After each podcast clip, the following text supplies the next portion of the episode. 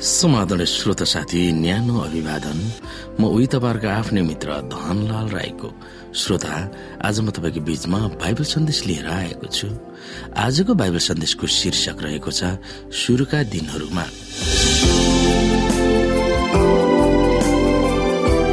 श्रोता यसुका बालककाल र सेवा कार्य सुरु गर्नुभन्दा अघिका वर्षहरूको बारेमा हामीलाई कमै जानकारी दिएको छ। तर ती अवस्थाको बारेमा र कस्तो खालको संसारको वातावरणमा उहाँ हुर्कनुभयो केही पदहरूले हामीलाई बताउँदछ यहाँनिर। हामी विभिन्न पदहरू हेर्न सक्छौ। यसुले सुरुदेखि नै कस्तो खालको जीवन उहाँले सामना गर्नु परेको थियो भनेर ती पदहरूले हामीलाई के देखाउँछन् त? आउनुहोस् हामी यहाँनिर हेरौँ लुका दुई अध्यायको एकदेखि सातसम्म। ती दिनमा कैसर अगस्टसले तिनको सारा साम्राज्यमा जनगणना लिनु भन्ने हुकुम जारी गरे। कुरेनियस सिरियाका हाकिम हुँदा यो पहिलो पल्टको जनगणना थियो। सबैजना नाउँ दर्ता गराउन आफ्नो आफ्नो सहर गए। यौसेप पनि गालिलको नासरतबाट यहुदाको बेथलेम भन्ने दाउदको सहरमा गए किनभने तिनी दाउदका कुटुम्ब र वंशका थिए। नौ दर्ता गराउन तिनी आफूसँग मगनी भएकी मरियमलाई साथमा लिएर गए।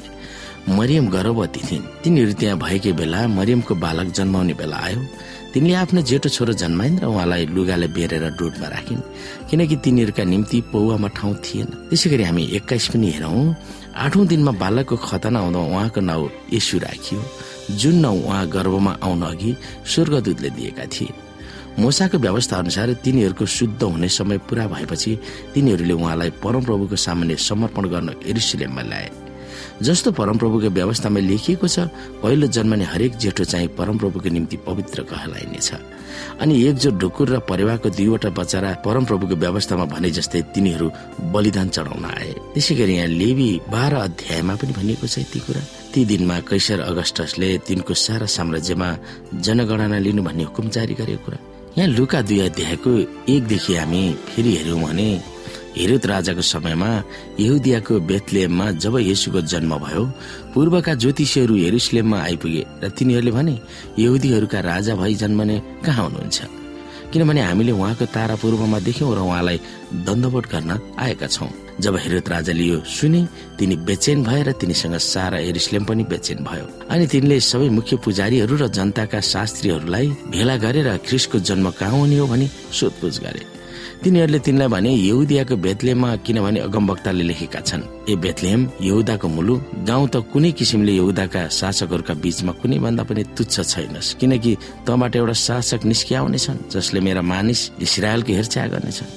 तब हेरोदले ती ज्योतिषीहरूलाई गुप्तमा बोलाएर सारा कुरा समय देखा परेको हो सो तिनीहरूबाट पत्ता लगाए। तिनले तिनीहरूलाई यसो भनेर बेतलेममा पठाए जाऊ र ठिकसँग त्यस बालकको खोजी गर। तिनलाई भेटाएपछि मलाई खबर गर म पनि तिनलाई दण्ड ओभर गर्नेछु। तब राजाको कुरा सुनेर तिनीहरू आफ्नो बाटो लागे। जुन तारा तिनीहरूले पूर्वमा देखेथे त्यो तारा तिनीहरूका अघि अघि गयो र बालक भएको ठाउँमा पुगेपछि त्यो तारा त्यही अडियो। जब तिनीहरूले त्यो तारा देखे तब तिनीहरू अति आनन्दित भएर रमाए। अनि घरभित्र पसेर तिनीहरूले बालकलाई उहाँकी आमा मरियमको साथमा देखे र घप्टो परेर उहाँलाई दण्डवत गरे। तब आफ्ना कन्तुर खोलेर उहाँलाई सुन सुगन्धित धुप र मुर्रका भेटी चढाए। अनि हेरोद कहाँ फर्की नजानु भन्ने सपनामा चेतावनी पाएर तिनीहरू अर्कै बाटो भएर आफ्नै देशमा फर्के। तिनीहरू गएपछि परमप्रभुका एउटा दूत सपनामा युसेफ कहाँ देखा परे र तिनले यसो भने उठ साना बालक र उहाँकी आमालाई साथले मिश्र देशमा भागिहाल र तिमीलाई मैले नभनेसम्म त्यही बस किनकि हेरोदले बालकलाई मार्न उहाँको खोजी गर्न लागेको छ। अनि तिनी उठेर बालक र उहाँकी आमालाई साथमा लिई मिश्र देशमा राति नै गइहाले र हेरोदको मृत्यु नहुन्जेल त्यही बसे। अगमभक्तद्वारा परमप्रभुले भन्नुभएको वचन यसरी पूरा भयो। मैले आफ्नो पुत्रलाई मिश्र देशबाट बोलाए। तब ज्योतिषीहरूले तिनलाई छकाएको कुरा हेरोदले थाहा पाए र तिनी रेसले चुर भए अनि ज्योतिषीहरूबाट थाहा भएको समय अनुसार बेदलेम र त्यस इलाका भित्रका दुई वर्ष र त्यसदेखि मुनिका सबै बालकहरूलाई मार्न लगाए। तब हेर्मिया अगमवक्ताले भनेको वचन पूरा भयो। रामामा एउटा शब्द सुनियो डाको छोडी छोडी रोएको र बिलापको ठुलो आवाज रायल आफ्ना बालकहरूका लागि रोइरहेकी सान्त्वना तिनले इन्कार गरिन् किनकि तिनका बालकहरू अब रहेनन्। मत्ती दुई अध्यायको एकदेखि अठार। हुन त विपन्न वा गरिब वर्गमा रहनेमा यसो प्रथम व्यक्ति थिएन। न त उहाँलाई बालककालदेखि नै मारिने खेदोमा पर्नु भएको पहिलो व्यक्ति हुनुहुन्थ्यो। सानैदेखि यसुले पाउनु भएको दुःख कष्टमा अर्को विशेष वातावरणले पनि साथ दिएको थियो जुन हामीले बुझ्नु पर्दछ हामी यहाँनिर योहन्ना एक अध्यायको छ्यालिसलाई हेरौँ। सानैदेखि र हुर्केपछि पनि यसुले दुःख र खेदो सहनु परेको थियो भनेर त्यस पदले हामीलाई कस्तो आवाज दिन्छ?